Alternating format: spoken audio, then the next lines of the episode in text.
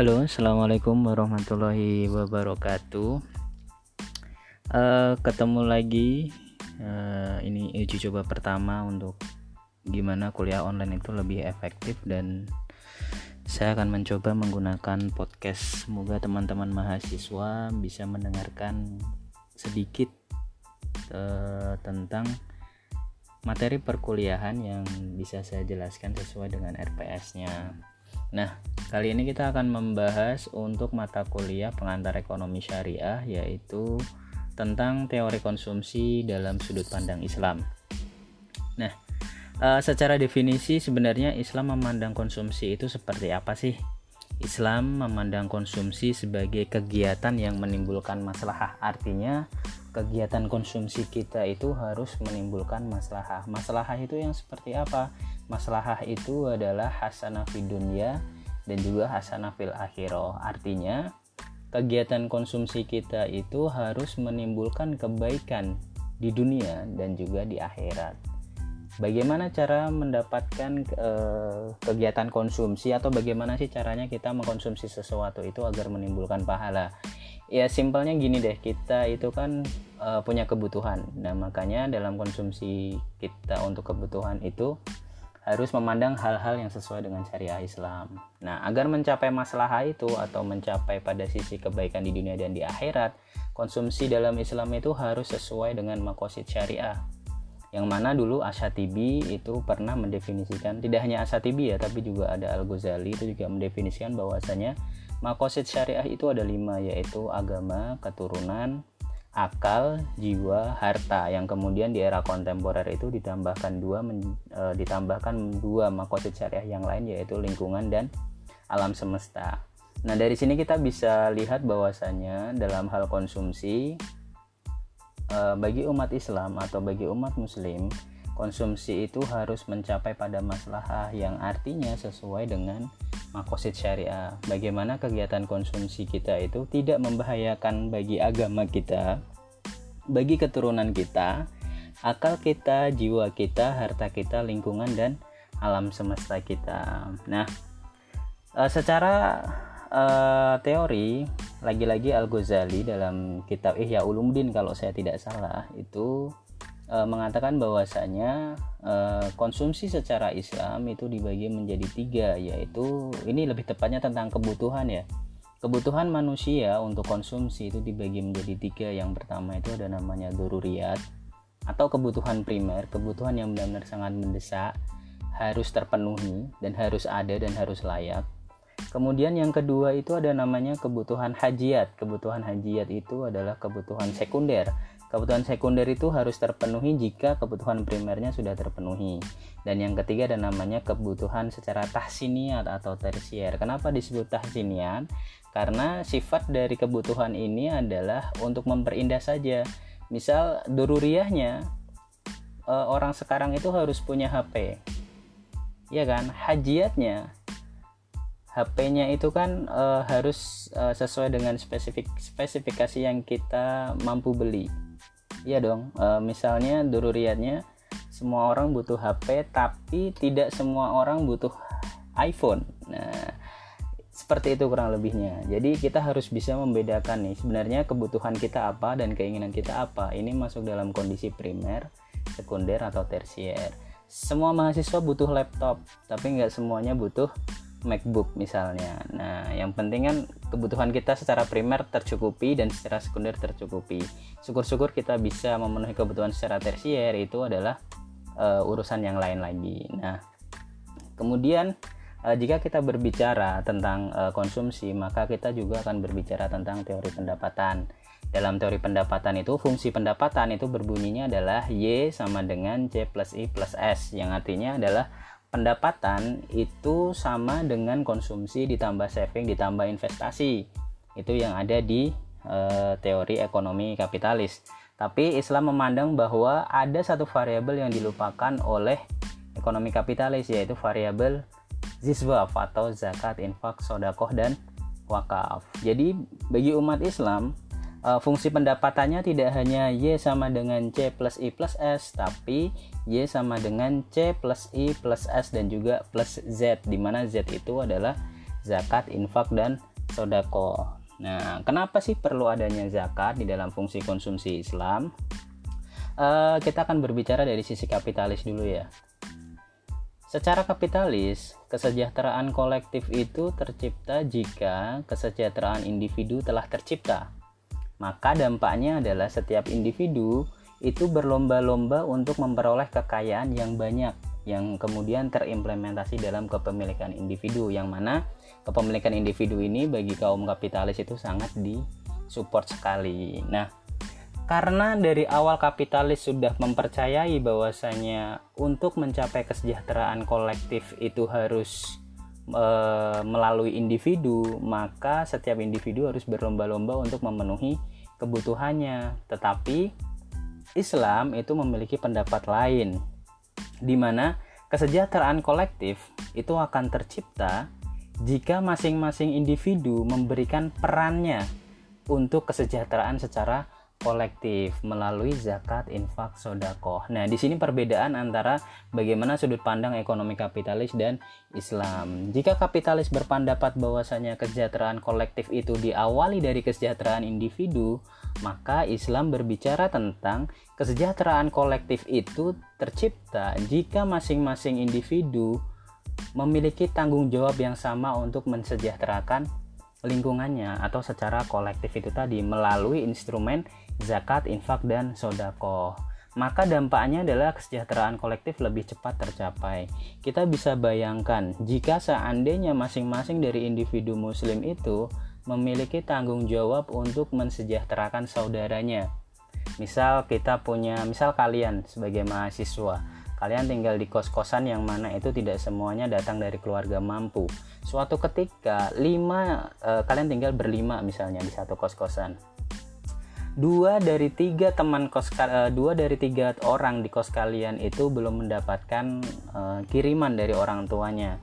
Sementara mereka juga datang dari keluarga yang sederhana. Sementara kalian dan uh, beberapa teman yang lain yang datang dari keluarga lebih mampu itu kiriman tidak pernah telat dan selalu lancar. Nah apakah kita sebagai teman itu kemudian tega untuk membiarkan teman kita yang satu kosan itu tidak makan ataukah kita akan berbaik hati untuk meminjamkan uang? Ataukah kita punya hati yang lebih lembut lagi untuk misalnya menanggung kehidupan mereka sampai uh, kirimannya datang? Ya menanggung dalam arti tidak menanggung semuanya ya mungkin uh, ya oke okay, makan pagi atau sarapan atau makan siang itu ditanggung oleh kita. Ataukah seperti itu? Nah itu kan tergantung bagaimana tingkat keimanan seseorang masing-masing. Kita nggak bisa memaksakan uh, semua orang itu uh, generous atau berbuat baik atau uh, rendah hati seperti itu tidak bisa. Nah, itu kembali kepada masing-masing individu dan tingkat keimanan mereka masing-masing. Tapi sebenarnya di sini Islam uh, telah mewarning ya, mewarning dalam artian uh, Allah telah berfirman di dalam Al-Qur'an itu yang potongan ayatnya itu berbunyi kailayakuna dulatan benal agniya iminkum artinya adalah agar harta-harta yang berada di tangan muslim itu orang-orang muslim itu tidak hanya berputar uh, tidak hanya berputar di antara golongan orang yang kaya saja tapi bagaimana sumber daya ekonomi itu bisa berputar atau harta itu bisa berputar ke seluruh lapisan masyarakat. Seperti itu. Nah kenapa itu penting? Karena beberapa uh, cendekiawan muslim seperti Ibnu Taimiyah, Bakir Asoder itu berpendapat bahwasanya kesenjangan sosial atau economic gap yang terjadi itu salah satunya adalah karena ketimpangan distribusi ekonomi. Jadi e, karena distribusi ekonomi yang tidak merata inilah maka munculnya kesenjangan sosial si kaya dan si miskin seperti itu. Nah, permasalahannya adalah eh, lagi-lagi e, permasalahannya adalah terjadi pada masing-masing individu. Seberapa besar sih tingkat awareness masyarakat muslim yang mampu atau yang wajib membayar zakat itu untuk mendistribusikan kekayaannya kepada yang tidak mampu. Sebagai contoh kecil aja gini. Uh, potensi zakat Indonesia itu kan 3% dari GDP.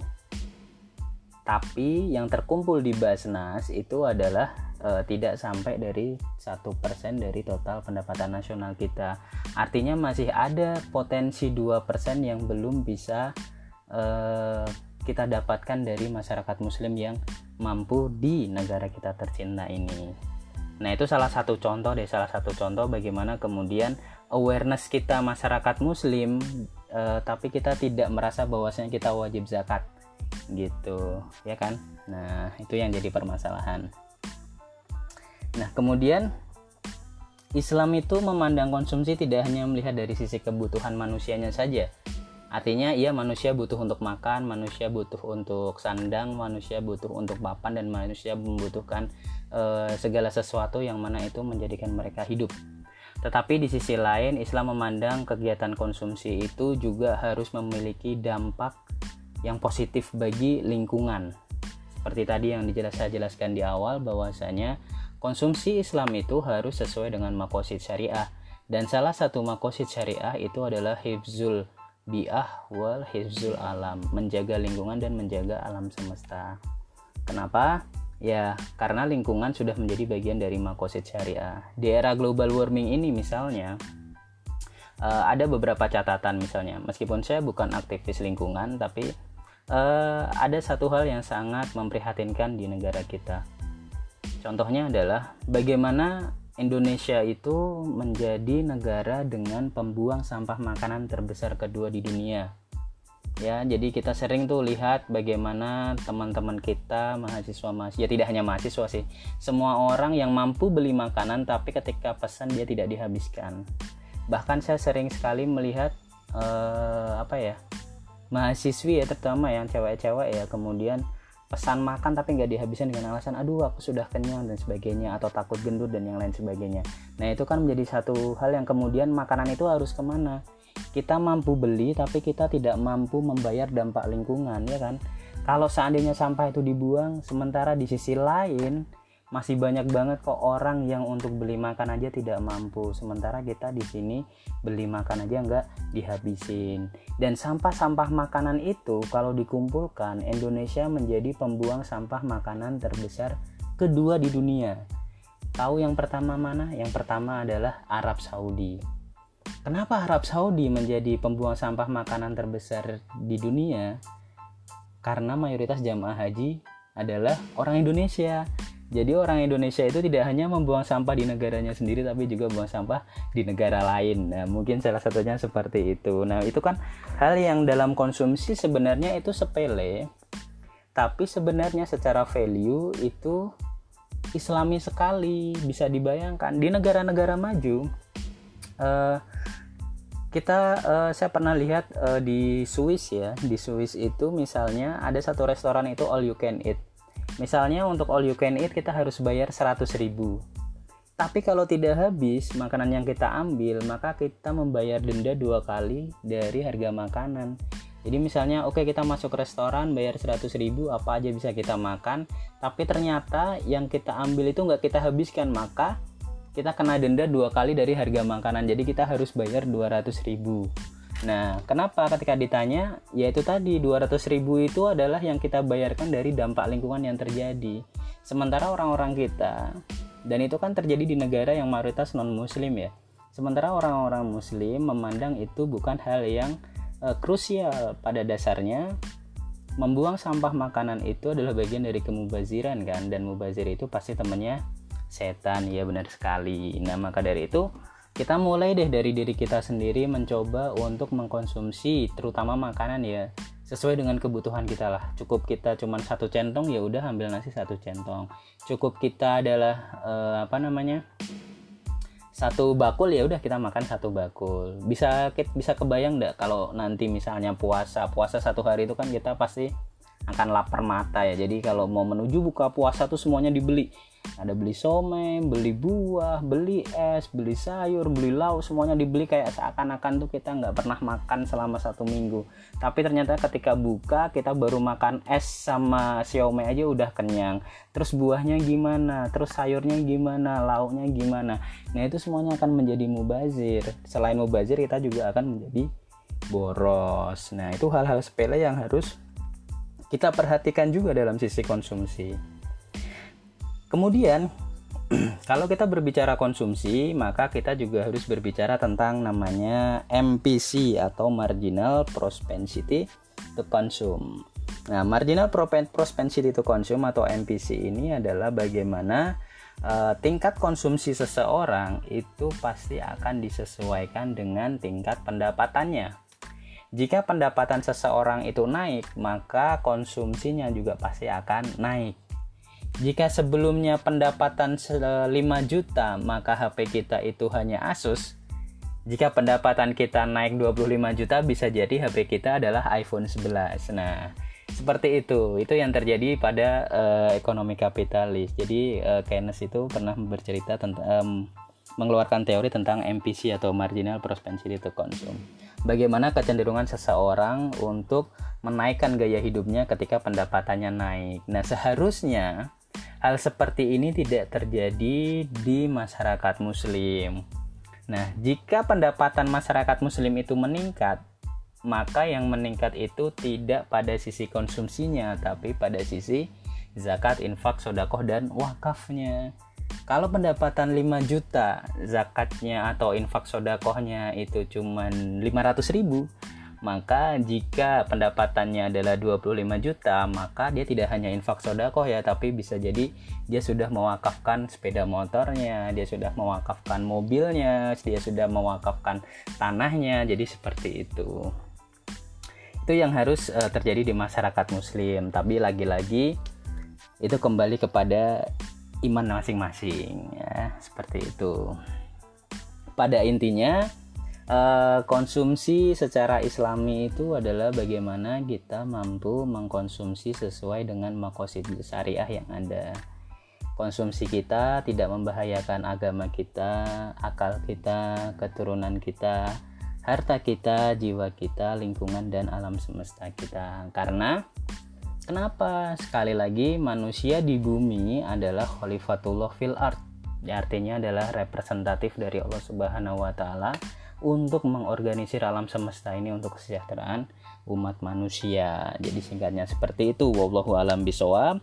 Semoga podcast ini bisa sedikit mencerahkan eh, teman-teman uh, mahasiswa yang sedang belajar di belajar secara mandiri di kos-kosan atau di kontrakan atau di mana pun kalian berada sedikit penjelasan ini semoga bisa mengobati tatap muka kita yang uh, sedikit terhambat karena adanya wabah ini. Stay safe stay at home stay healthy stay hygiene. Uh, sampai jumpa di podcast selanjutnya. Bila itu hidayah. Assalamualaikum warahmatullahi wabarakatuh